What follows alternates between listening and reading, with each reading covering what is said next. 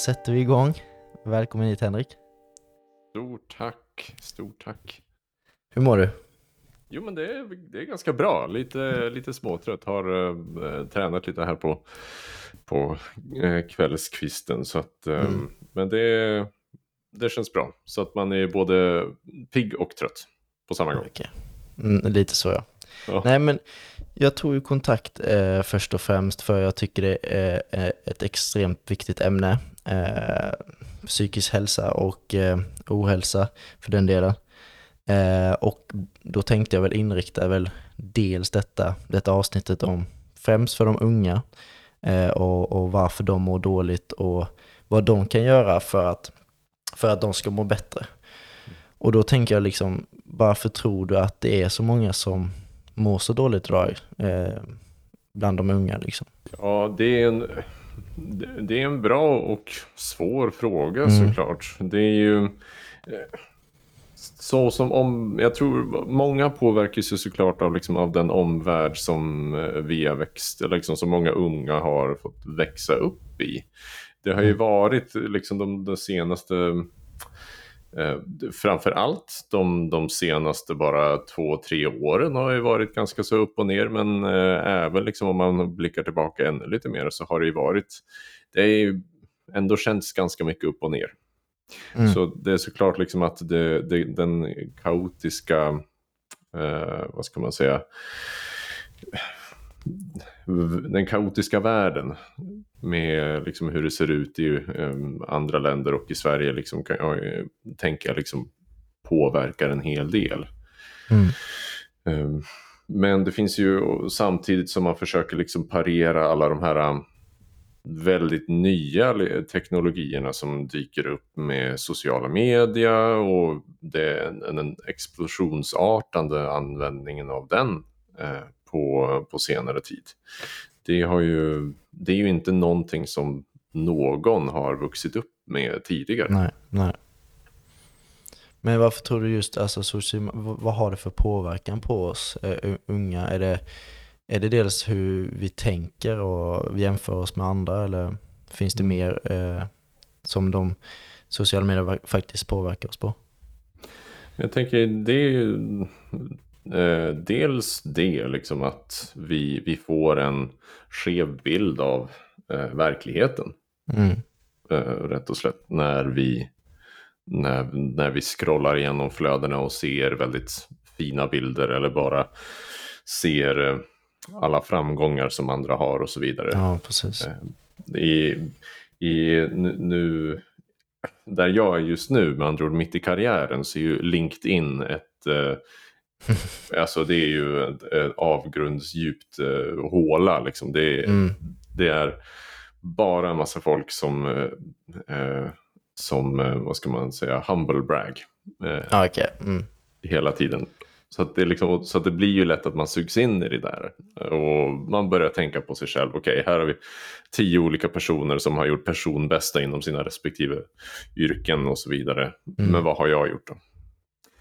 Och ja, det finns precis. ju säkert liknande för annat också. Ja, men det tror jag också är en jättestor del eh, bland unga alltså i sociala medier. Eh, att just den här delen att man jämför sig själv så extremt mm. mycket med andra. Och att det är sådana saker som egentligen inte är oftast sant. Att de här som lägger ut att de tjänar 10 000 eh, på en dag eh, när de tradar. Eller bara, bara mm. sådana saker och att de har det perfekta livet. Eh, de visar ju till 99% av gångerna inte när de mår dåligt.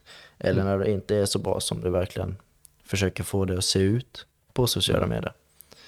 Och det är väl därför jag, eh, jag har en del kompisar som är inne på mobilen sju timmar om dagen.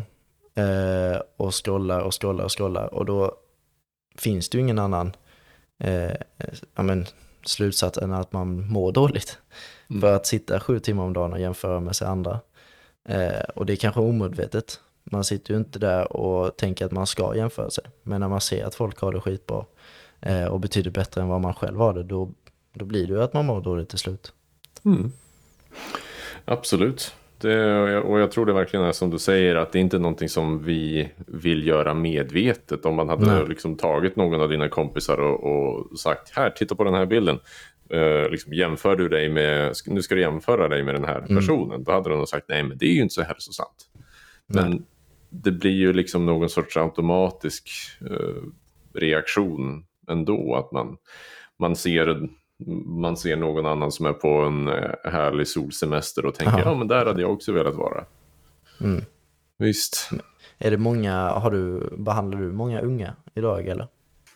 Ja, eh, jag, jobbar på, jag jobbar på vårdcentral eh, och eh, där, eh, där, tar vi i, eh, där tar vi emot unga. Absolut, så mm, från 6 till 18 år. Okej, och vad är det, är det en speciell trend du kan se bland den åldern? Det, de, de allra flesta som dyker upp hos oss har, har någonting att göra med att de inte går i skolan. Okej, Det, det är liksom de, de, Och sen så kan det vara besvär relaterade till det. Liksom att de Mm. kanske, kanske social ångest eller det kanske är att de behöver få en utredning för något neuropsykiatriskt med andra ord Mm. ADHD eller autism. Eller det kanske är så att de eh, är nedstämda eller har en depression som behövs, behöver behandlas. Men ofta så brukar det vara liksom den utlösande faktorn för det är då ofta föräldrarna eh, kickar igång. Eftersom det finns ju den här skolplikten. I alla fall upp till, eh, eh, upp till, eh, till och med högstadiet. ja precis. Så då, då måste de göra någonting och då, ja, gå till psykologen är, är en del i det hela. Mm. Och, och varför är det så att eh, de inte går till skolan? Är det väldigt olika eller är det rätt så samma att det är oftast problem hemma eller, eh, eller bara allmänt eh, inte, inte ett intresse för skolan? Det kan variera, så det är ju, för vissa är det ju liksom att det, det är att, eh, de, att de inte går i skolan eftersom de inte blir utmanade tillräckligt och därmed så blir det tråkigt de får ingen motivation till att göra det. Mm, I annat fall så kan det vara att mobbing väldigt vanligt skäl till att inte gå i skolan. Ehm, eller att man inte har liksom rätt verktyg för att hantera känslor som dyker upp. Så säger jag liksom att man har då det här att eh, om man känner sig väldigt nedstämd och man inte vet exakt hur man ska hantera det annat än att eh, dra sig undan. Ja, mm, då, då blir det ju också lätt att man fastnar i det här mönstret av att inte gå i skolan. Så att det, det, vari, det varierar. Det, är ju liksom, det blir ju ett svårt problem eftersom det, det är ju så...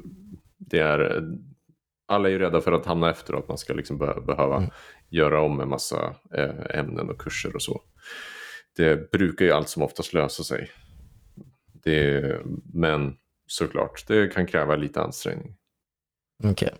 Men eh, jag tänkte bara gå in på en fråga här ehm, som jag har fått. Eh, jag vet inte hur mycket du är inne på det, men ehm, det är väl mest kroppskomplex eh, och ätstörningar. Eh, har jag fått några frågor om. Eh, och den ena var väl anorexia då. Eh, den, den har haft det, men den har eh, tagit sig ur det. Men den fortfarande så tränar den väldigt mycket. Mm. Eh, och då undrar den personen hur den kan komma ifrån, eller kan tillåta sig själv att ha en dag ledigt. Eh, och kanske tillåta sig också själv att äta lite vad de vill den Mm. dagen. Just det. Och, eh, och det här är liksom till, är såklart riktat till, till den person som ställer frågan men även till alla som, har, eh, som kämpar med ätstörningar. Så det, är liksom, eh, det är tufft. Mm. De här tankarna är, eh, är eh, jobbiga. Jättejobbiga. Och till er liksom som har eh, som eh, har tagit er igenom det. Grattis, jättebra jobbat. Och till, till er som eh, fortfarande kämpar, kämpar på. Det, det, finns, eh, det finns all chans att det kommer bli bättre. Mm. Ehm, Men för då, liksom, när man då liksom, eh, kommit ur det värsta, så att säga. Man kanske liksom kan äta eh, det mesta, man har en liksom, hälsosam vikt, men man har liksom vissa sådana här saker kvar. Då. I det här exemplet, så, eller den här frågan, så var det att det var väldigt mycket träning och Mm. det lät som att det var träning varje dag och att det lät som att det även var en del eh, mat. ehm, Ja, eh, jag tror det att rätter. de inte, ja men exakt, de inte tillåter sig själva att äta kanske precis vad de vill. Eh, och kanske kunna slappna av lite då och då. Det är väl den barriären de, den här personen då försöker bli av med. Och det är väl Ja. bara det, hur, hur kommer man dit? Ja, det är ju... ehm, jag, jag tänker att det kommer kräva... Det kommer kräva en del övning eh, och en, en del liksom att man fokuserar på det man kan göra liksom på ens beteende. Mitt perspektiv eh, som, som psykolog är mycket utifrån kognitiv beteendeterapi. Så att Mm. i, i runda slängar, vi har tankar, känslor och beteenden. Tankar och känslor är svåra att påverka i sig själva. Eh, och det som är enklare att påverka är våra beteenden. Så Okej. I det här exemplet då så säger att man då eh, inte tillåter sig en eh, vilodag så anar jag att om man då, att då tanken på att ha en vilodag kanske väcker en del obehag, väcker en del jobbiga Mm. tankar. Så att då, då kanske jag liksom skulle prov, börja med att och, eh, gradvis vänja sig vid att ha liksom längre och längre viloperioder. Okej. Så eh, kanske att man börjar med eh, eh, ja, att man börjar med liksom det som känns lite smått obehagligt, eh, lite smått jobbigt och sen så ökar man därefter. Om det, om det blir lurigt så kan man kanske tänka utifrån att man har gradvis kortare och kortare träningspass men med liksom inte så Mm. att man ökar intensiteten då så att det inte blir ehm, jättekorta intensiva intervallpass utan att man ungefär så- om man har liksom en vanlig löprunda att man då kanske eh, kortar eh, längden på den tills dess att man når eh, noll på de här vilodagarna. Ja men precis, att man tar lite steg för steg och inte kanske bara bryta av det helt och hållet.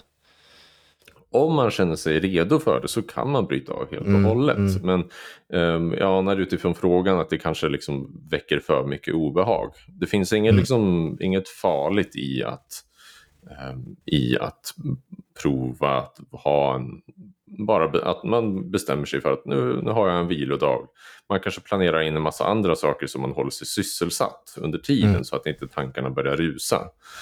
Ehm, men ändå liksom att man har en vilodag och ser hur det blir. Det, det, det, det, det kan man ha.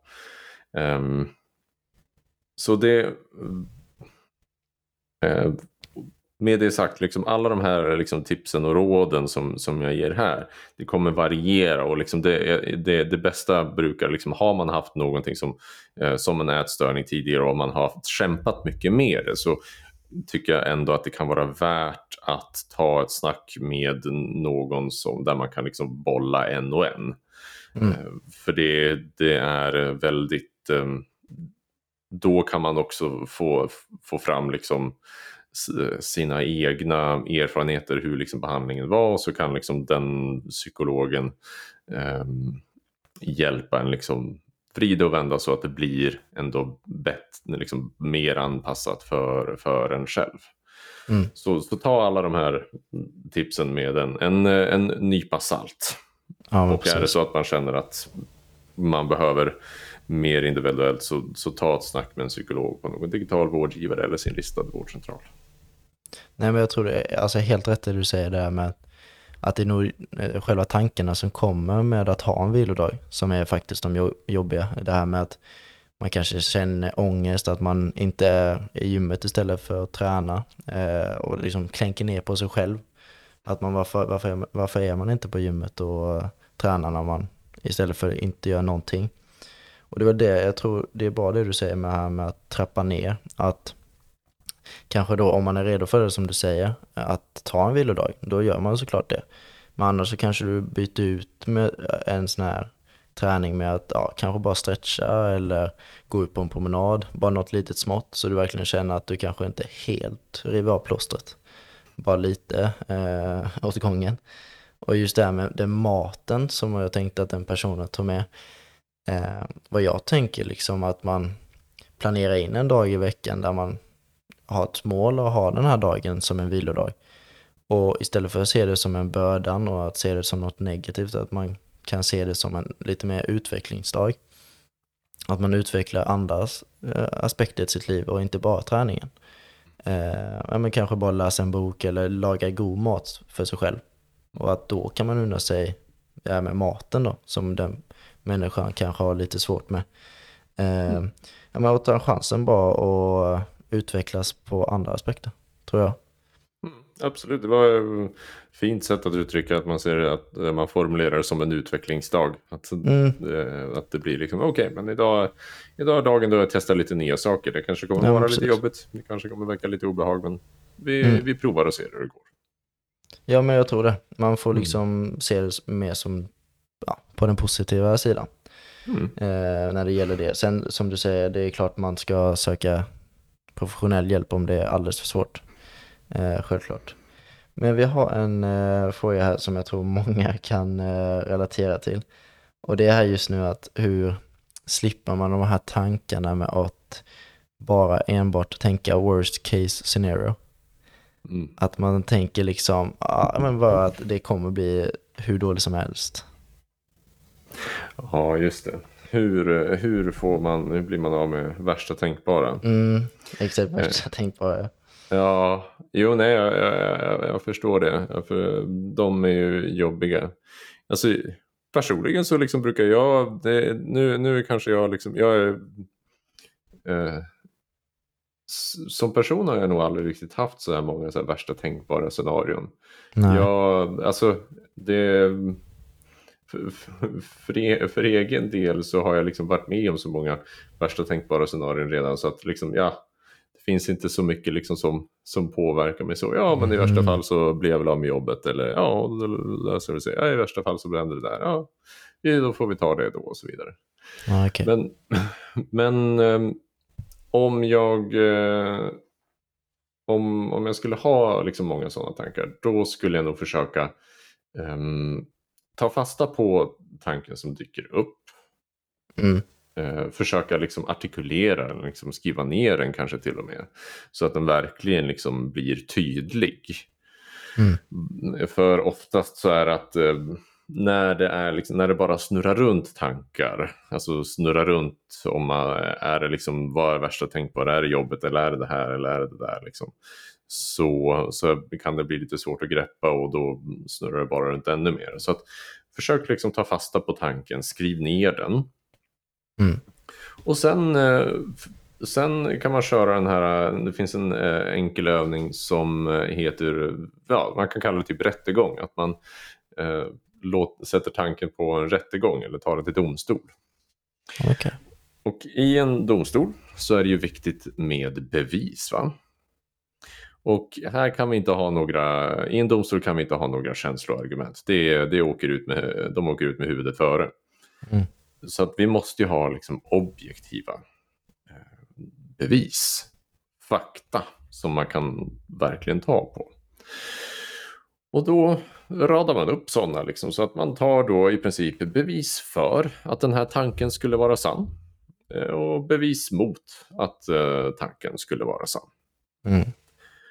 Och eh, man får vara liksom lite, eh, man får vara eh, den, e, sin egen ehm, domare här så att det blir verkligen objektiva fakta för och emot. Och sen så får man då fatta ett beslut och kanske omformulera tanken till något mera realistiskt. Mm. Så om värsta tanken är, men ja, men det, då kommer jag bli av med jobbet. Så kanske man landar i att ja, det är, det är inte så troligt, det är mer troligt att jag, att eh, jag får um, prata med chefen. Eller att chefen liksom eh, pratar med mig om det här. Och då får jag väl ta det då. Ja men precis. Jag tror det är att liksom verkligen skriva ner det. Och för ibland kan man tycka om man då har verkligen den här eh, worst case scenario-tanken. Om man då, vi kan ta ett exempel, ehm, om jag skickar ett meddelande till en kompis och han eller hon inte svarar mig och jag tänker bara, ah, okej, okay, men han hatar mig då, eller bara det värsta, om vi tar ett eh, extremt exempel. Eh, då får man ju egentligen bara liksom, som du säger, det här med domstol, att man skriver ner de andra. Det kan vara att nej, han sover, eller han har inte mobilen på sig just nu, eller bara något helt annat. Och det behöver inte vara det värsta då, att han hatar mig. Ehm, men att man då ser det på, från ett annat perspektiv istället för att, ja, mina kompisar hatar mig, då kan det vara att, ja, mina kompisar bryr mig, eller jag bryr mig om mina kompisars åsikter. Alltså så man får se det från en annan vinkel. Och jag tror det är också, det är inte enkelt att trycka bort de här tankarna, även om man vill det. Eh, till exempel det här med att eh, om man säger att man inte ska tänka på en rosa elefant, så tänker man ju bara på en rosa elefant.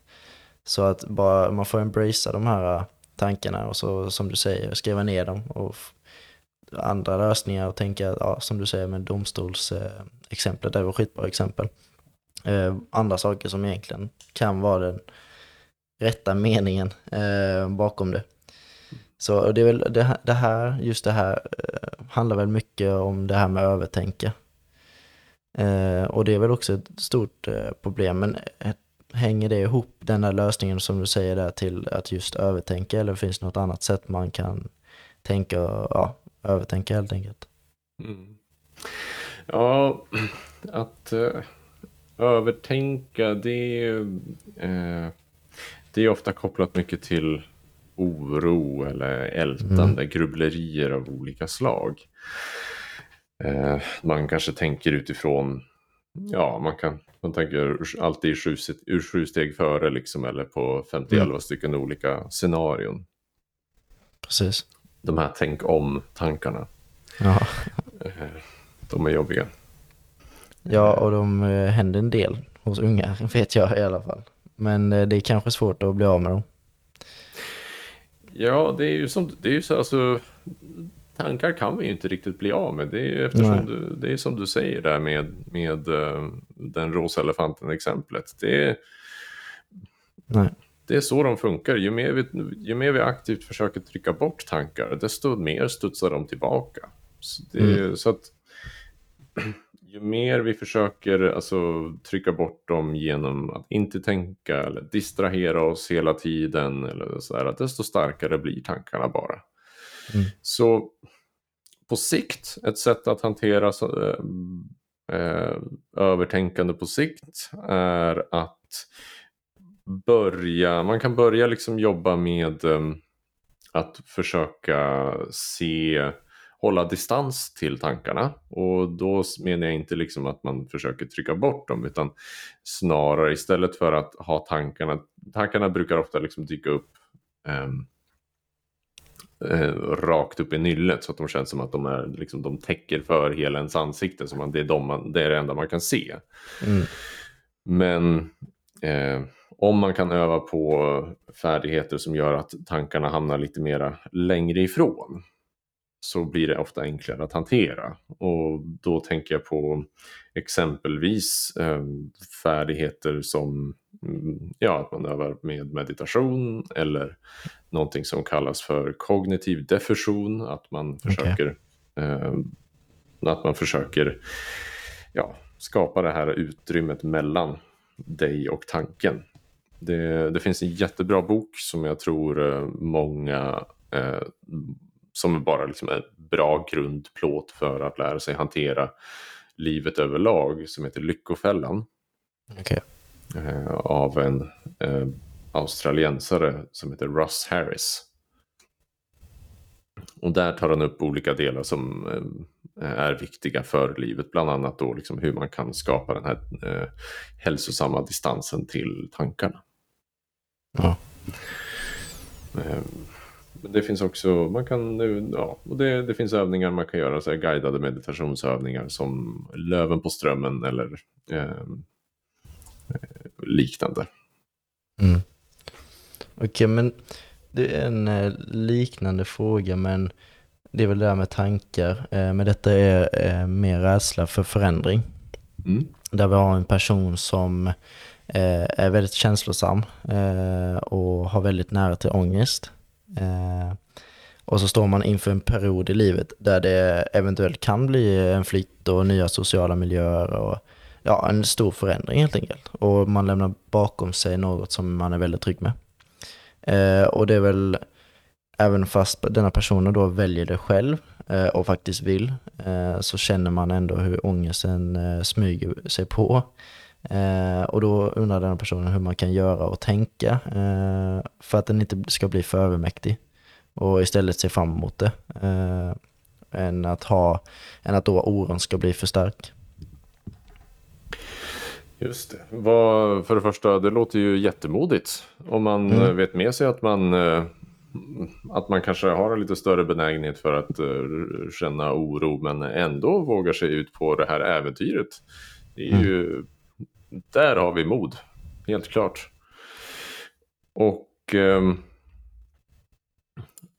dels så kan man ju försöka påminna sig om att um, den här äh, ångesten eller oron, det, jag, jag, jag, jag tolkar det lite grann som att det här är generellt sett stora flytt, alltså när man flyttar, när man startar ett nytt jobb eller liksom mm. eh, sådana saker, det, det brukar ju räknas som några av de mest stressande sakerna som en människa kan göra i livet.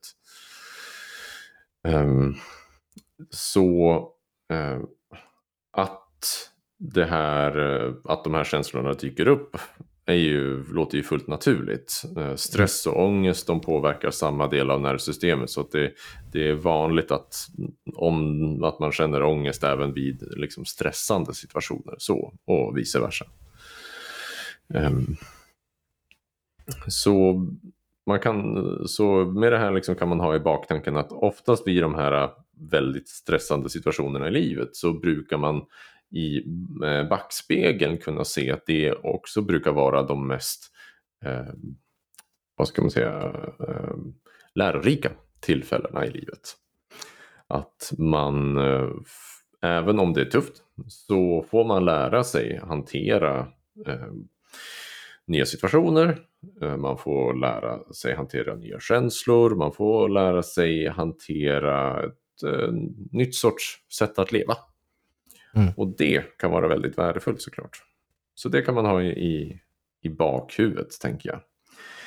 Sen allmänhet. Eh, förbereda sig, försöka liksom eh, särskilja på det som man kan kontrollera och det som man inte kan kontrollera.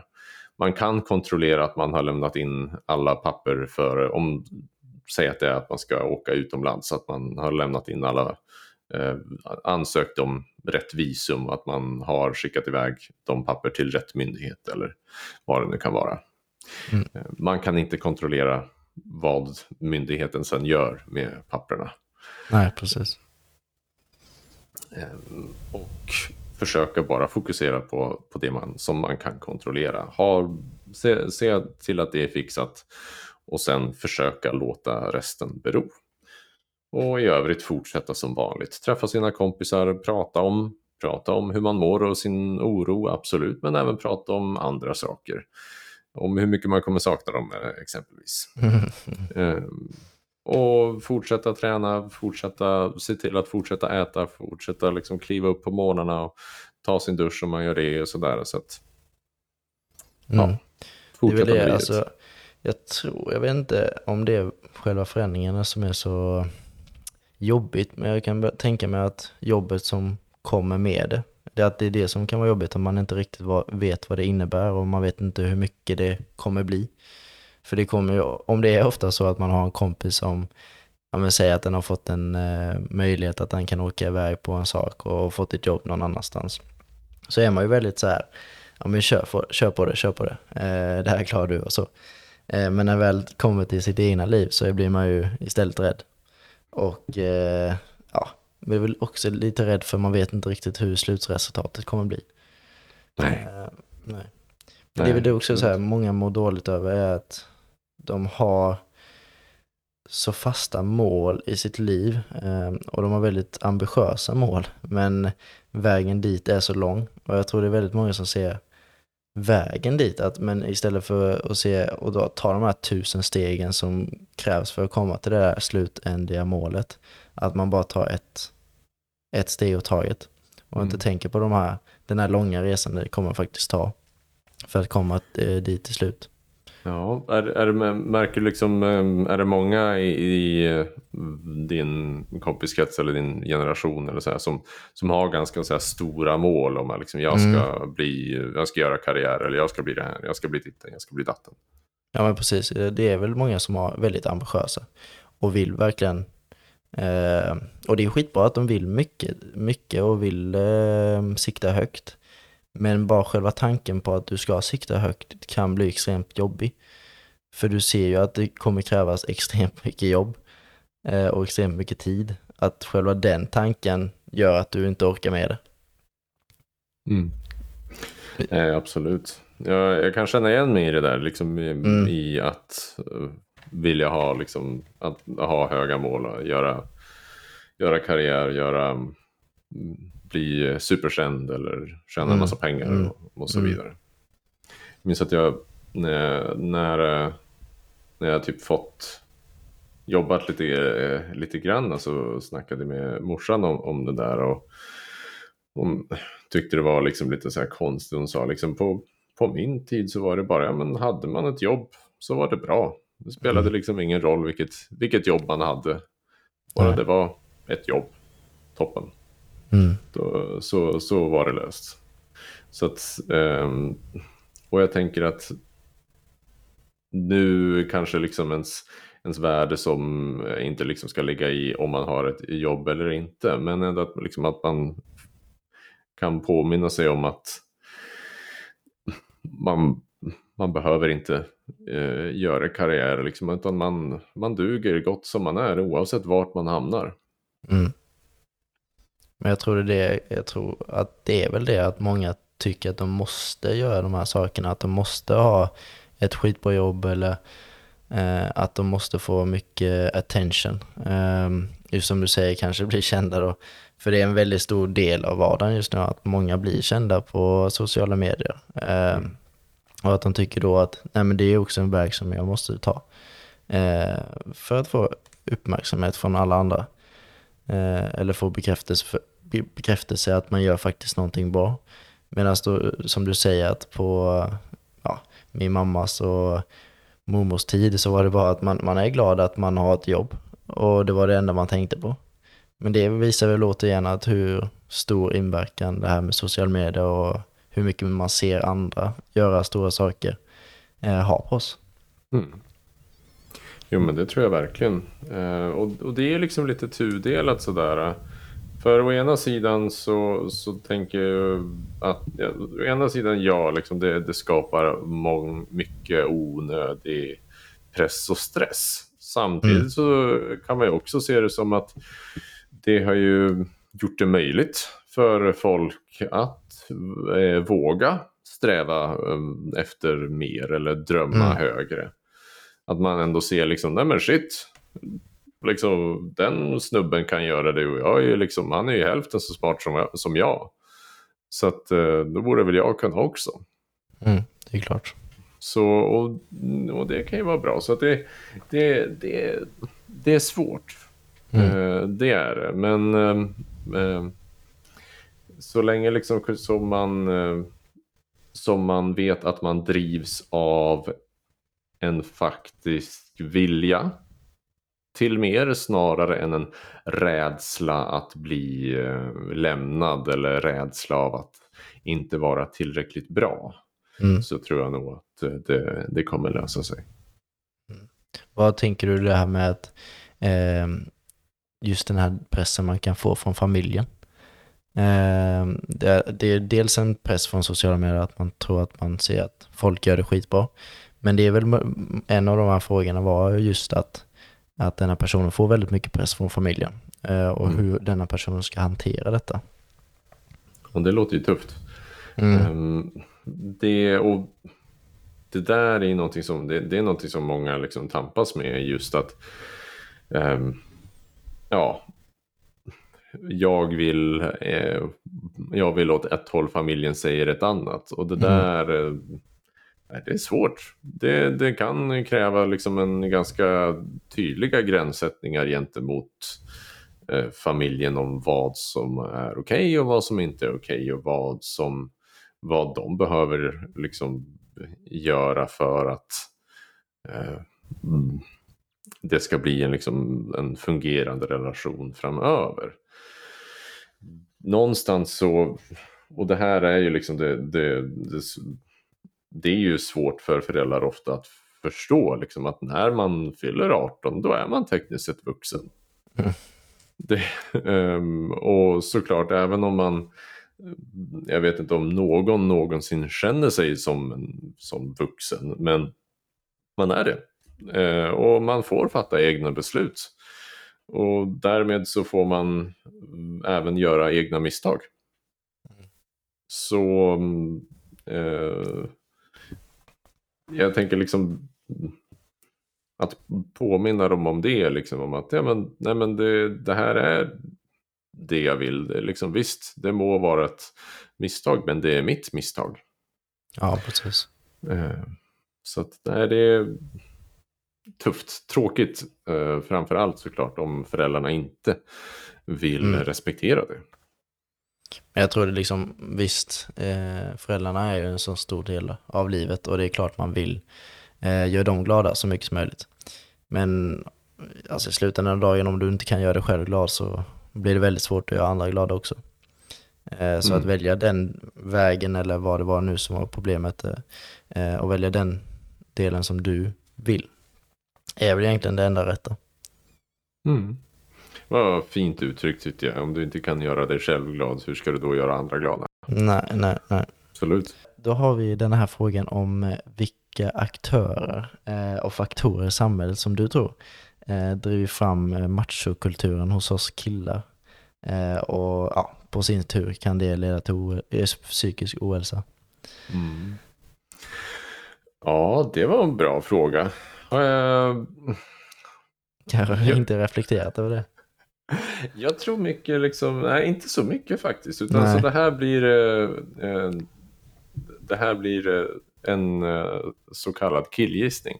Mm. Eh, men jag tror att, alltså machokulturen den, den, den kännetecknas ju mycket av liksom att det här, det här, den här yttre styrkan som ska visas upp. Mm. Um, och det hårda, det tuffa, det är liksom det inte, det att man inte ska, mm, ja, prata så mycket. Man håller sig liksom tyst och fortsätter framåt lite grann. Eller mm. vad tänker du kännetecknar macho? Nej, men eh, det är nog rätt som du säger att man ska hålla känslorna inne i sig. Eh, dels det, det är en jättestor del av det. Eh, att man ska liksom tåla rätt mycket och kanske inte prata om sina känslor. Och det börjar väl vi kanske killar börjar väl bli lite bättre på det kanske, men det är väl fortfarande kvar. Dels att man inte ska gråta så mycket och, ja, och, och så vidare. Men det är väl det främst jag kan tänka på är väl eh, idrottsvärlden som det växer fram mest mm. tror jag. Och sen så är det väl klart i gymnasiet också och till och med högskolan kan man ju se. Eh, att det är väl ett, ett gäng killar liksom i gymnasiet som är the guys eh, som alla ska förhålla sig till. Eh, och kanske se upp till eller försöka vara som dem. Men det är, alltså, det är en skitsvår fråga. Men mm. det är väl, jag tror det är mycket det i gymnasiet det växer fram. Ja, ja men visst att det, att det här liksom det blir det här killgänget. Mm. Som eh, de är, de är stereotypa grabbarna, de är högljudda, de eh, räcker upp handen och fiser istället för att ställa en fråga. De, eh... Lite så ja. ja. Nej men det, jag vet inte, det är väl, jag tror det bara grundar sig i en osäkerhet. Mm. Eh, bland killarna och försöka täppa igen den osäkerheten genom att få lite uppmärksamhet. Uh, och det är, väl, det är väl den snabba lösningen tror jag. Mm. Uh, dels att få den uppmärksamheten i gymnasiet, men när, när du väl är klar med gymnasiet så får du inte samma uppmärksamhet. Och då kvar, kvarstår ju problemet som var det var ju dels att du var osäker.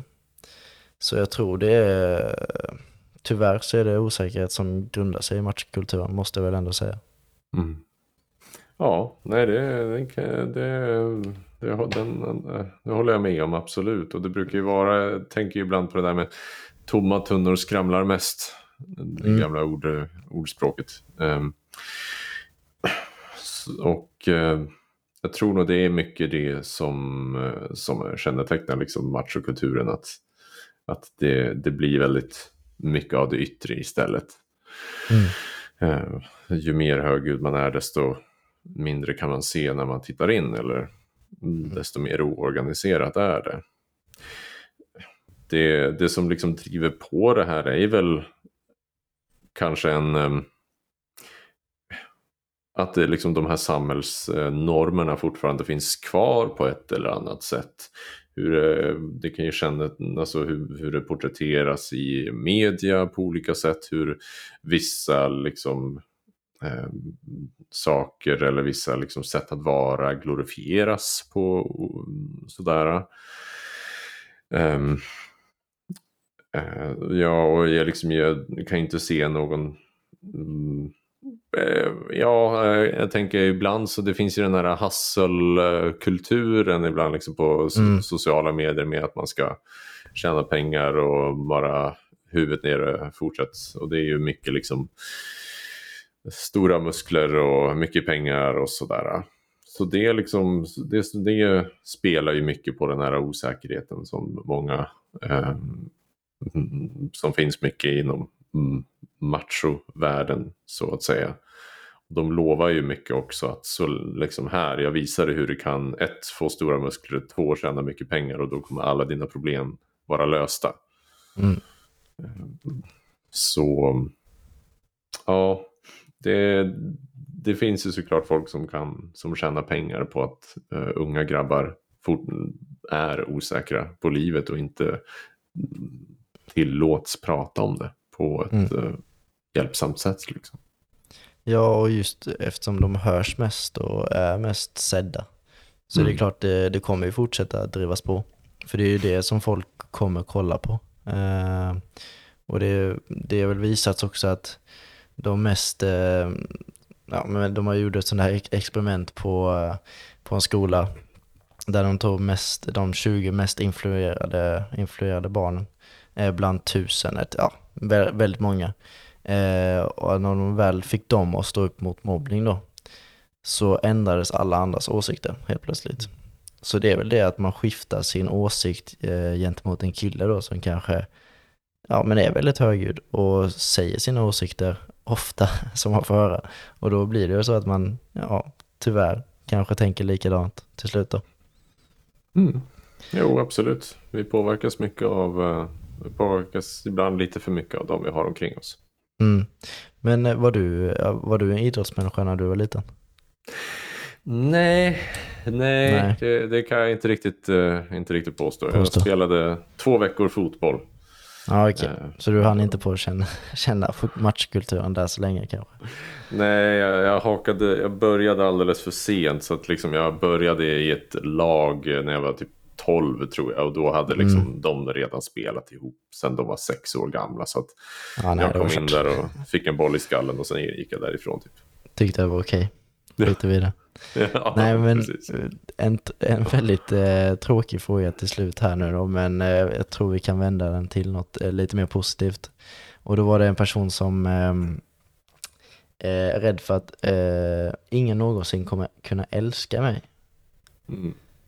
Eh, och det finns, det är väl en rädsla som finns eh, bland unga, eller fan, det behöver inte vara unga heller, men det är bland folk att de, jag vet inte om den här personen kanske har nyligen eh, gått ur en relation eller, eller kanske aldrig varit i en relation. Och det är väl det som mm. kanske skrämmer den. Det var ju, ja vilken, vilken fin fråga. Det där är ju mm. en, en väldigt mänsklig, eh, väldigt mänsklig fråga.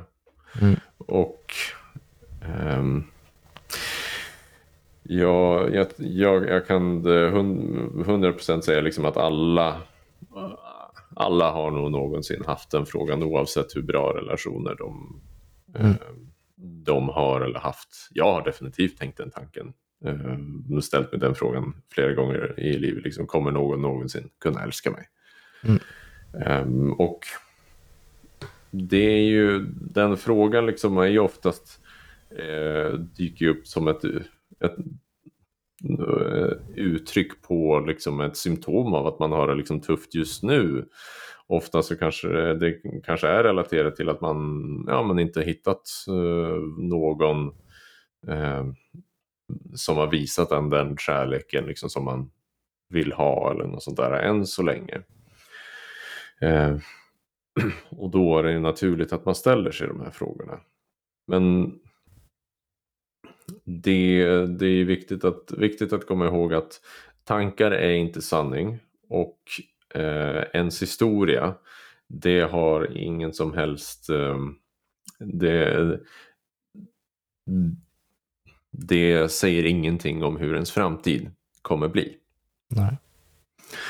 Så eh, är det så att man har de här tankarna, liksom, var, var snäll mot dig själv. Det låter som att, mm, det, låter som att du, har, du har det tufft. Och det är tufft i livet ibland. Det, är liksom, det får man på köpet. Ingen som mm. säger till en, till en direkt när man är född eftersom ja, man förstår ju inte språk överhuvudtaget. Men eh, man, det, det dyker upp. Så är det dessvärre. Så fortsätt liksom ta hand om dig själv på bästa sätt du kan. Liksom gör saker som är roligt, umgås med de som du tycker är, är trevliga och sådär. Så, så brukar det mesta lösa sig, så brukar framförallt kärleken liksom, äh, lösa sig med tiden. Ja. Och det kan ta lite stund, det kan det. Men äh, det, det, det brukar lösa sig. Ja men det tror jag absolut. Eh, men för att summera lite, eh, alla dessa problem, vissa är större än andra. Eh, och de små problemen som är normala tankar då som man kan få ibland, eh, som egentligen inte är riktiga tankar som du säger. Eh, men om de är så här små och man kanske har svårt att sätta fingret på vad det egentligen är, varför man mår dåligt eller varför man får ångest då och då. Tycker du ändå det är värt det att personen går till en psykolog eller ska man försöka bearbeta det själv? Man kan alltid börja på egen hand. Mm. Absolut. Eh, det är inte så att jag, jag, jag, jag är inte en som säger att alla borde gå till en psykolog någon gång i, i livet. Eh, eh, det, ja, alla kanske behöver det någon gång i livet, men mm. borde, ja, det vet jag inte. Utan man kan, många av de här sakerna kan man börja på egen hand. Är det så att man känner att man inte klarar av det på egen hand eller känner att de här sakerna påverkar mig så pass mycket att det, liksom, det, det fun funkar inte. Liksom. Då tycker jag absolut att man ska höra av sig till sin vårdcentral eller en digital vårdgivare för att få, för att få hjälp och stöd i det här. Och det behöver inte vara, liksom, att gå till psykologen behöver inte in, eller liksom det, det, det det är inte liksom att då är man inte psykiskt sjuk. Så, eh, utan det är bara liksom att nej, men jag behöver hjälp, toppen, välkommen. Då tar vi och tittar på det här problemet du har framför dig och så löser vi det tillsammans. Så det, eh, och som sagt jag träffar ju liksom alla från eh, 6 år till 90 år. Mm. Så att eh, det, det, är väldigt, eh, väldigt vanligt och eh, är det så att man känner att man behöver hjälp så då är det självklart att man får hojta till. Super, tack så extremt mycket för hjälpen här idag eh, och svara på frågorna och dels prata om lite generellt av varför vi mår dåligt och vad vi kan göra åt eh, saken. Eh, det är väl om folk vill hitta dig så är det väl psykologen Henrik på Instagram va? Stämmer det bra? Ja, så är det. Och, och tack själv.